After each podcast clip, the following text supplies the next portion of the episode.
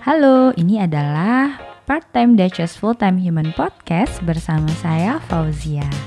Jadi saya ini hobinya baca, kadang nulis, dan senang banget ngobrol.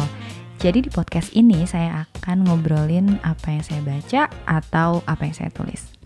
Hari ini saya akan ngobrolin tentang buku ya, salah satu buku yang udah saya baca. Topiknya saya ambil dari tulisan saya di Quora. Jadi ini tentang buku berjudul Aroma Karsa karya Dilestari. Jadi buku ini terbitnya tahun 2018 dan menceritakan tentang pencarian sebuah tanaman sakti bernama Puspakarsa oleh si tokohnya yang bernama Raras Prayagung.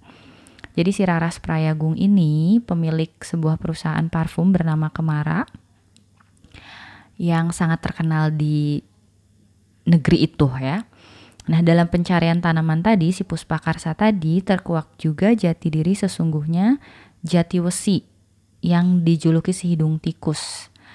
Terus selain tadi Raras Prayagung dan Jati Wesi, ada juga satu tokoh yang gak kalah penting nih dari novel ini, yaitu Tanaya Suma, pewaris tunggal perusahaan Kemara. Nah, saya membaca buku ini atas rekomendasinya dari Pak Ivan Lanin. Jadi beliau itu mengatakan bahwa untuk memperkaya diksi, kita harus sering membaca karya sastra yang berkualitas. Misalnya membaca novel-novel yang ditulis oleh Andra Hirata atau Dilestari. Nah, langsung tuh saya beli Aroma Karsa dan orang-orang biasa karya Andrea Hirata. Nah, sebagai pembaca yang sebetulnya lebih suka baca buku non-fiksi ya, jujur saya tuh agak sedikit males gitu baca novel. Mungkin karena dulu waktu pertama kali saya beli novel itu uh, temanya nggak cocok, jalan ceritanya nggak cocok mungkin ya, jadi saya kapok. Nah, tapi semenjak saya mulai baca novel-novelnya Dan Brown, nah hati saya ini jadi mulai terbuka untuk membaca buku-buku fiksi atau novel Apalagi setelah bekerja di sebuah rumah penerbitan, nah kesempatan saya untuk membaca karya sastra berupa novel itu jadi semakin terbuka lebar. Oke, balik lagi di Aroma Karsa tadi ya. Jadi Aroma Karsa ini memiliki 700 halaman kira-kira cukup tebal gitu kan. Dan pada awalnya saya ngira bahwa saya akan menyelesaikan novel ini dalam waktu uh, satu bulan mungkin ya. Tapi ternyata saya mampu menyelesaikan novel ini hanya dalam dua hari ternyata. Jadi meskipun tebal, si tulisan pada novel ini fontnya itu cukup besar. Jadi uh, tebalnya bukan karena tulisannya kecil-kecil.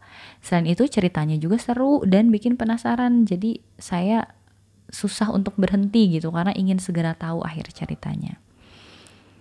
Nah terus yang tadi saya kan dapat rekomendasi dari Pak Ivan Lanin ya dan benar aja apa yang dikatakan Pak Ivan novel ini tuh bisa memperkaya diksi kita karena memang Mbak Dilestari banyak menggunakan kata-kata yang tidak lazim kita dengar di kehidupan sehari-hari.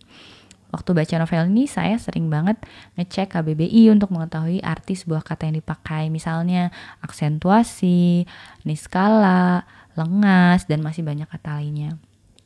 Pak Ivan Lanin juga pernah menyebutkan loh bahwa di Lestari ini adalah orang pertama yang menggunakan kata petrikor untuk menyebutkan aroma hujan gitu. Nah, terus di aroma karsa ini juga banyak menyebutkan bahan dapur, rempah-rempah, dan aroma-aroma lain yang entah mengapa nama-nama tersebut tuh jadi terdengar eksotis gitu di telinga saya. Misalnya, uh, dia juga menggunakan nama-nama parfum ya yang dihasilkan oleh Kemara tadi pakai eh, kata-kata yang eksotis tadi seperti Puspa Ananta, Anggana, Puspa Kangga gitu kan. Jadi novel ini berhasil membuat saya ingin ngasih nama anak dengan nuansa Jawa gitu. Rasa-rasanya tuh nama seperti Janira, Raras Prayagung, atau Puspa Karsa itu terdengar elegan, bangsawan, dan menawan.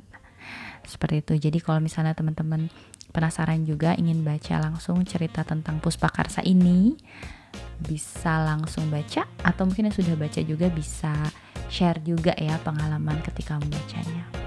Itu tadi obrolan hari ini sekitar aroma karsa dan dilestari. Terima kasih yang sudah mendengarkan, semoga bermanfaat.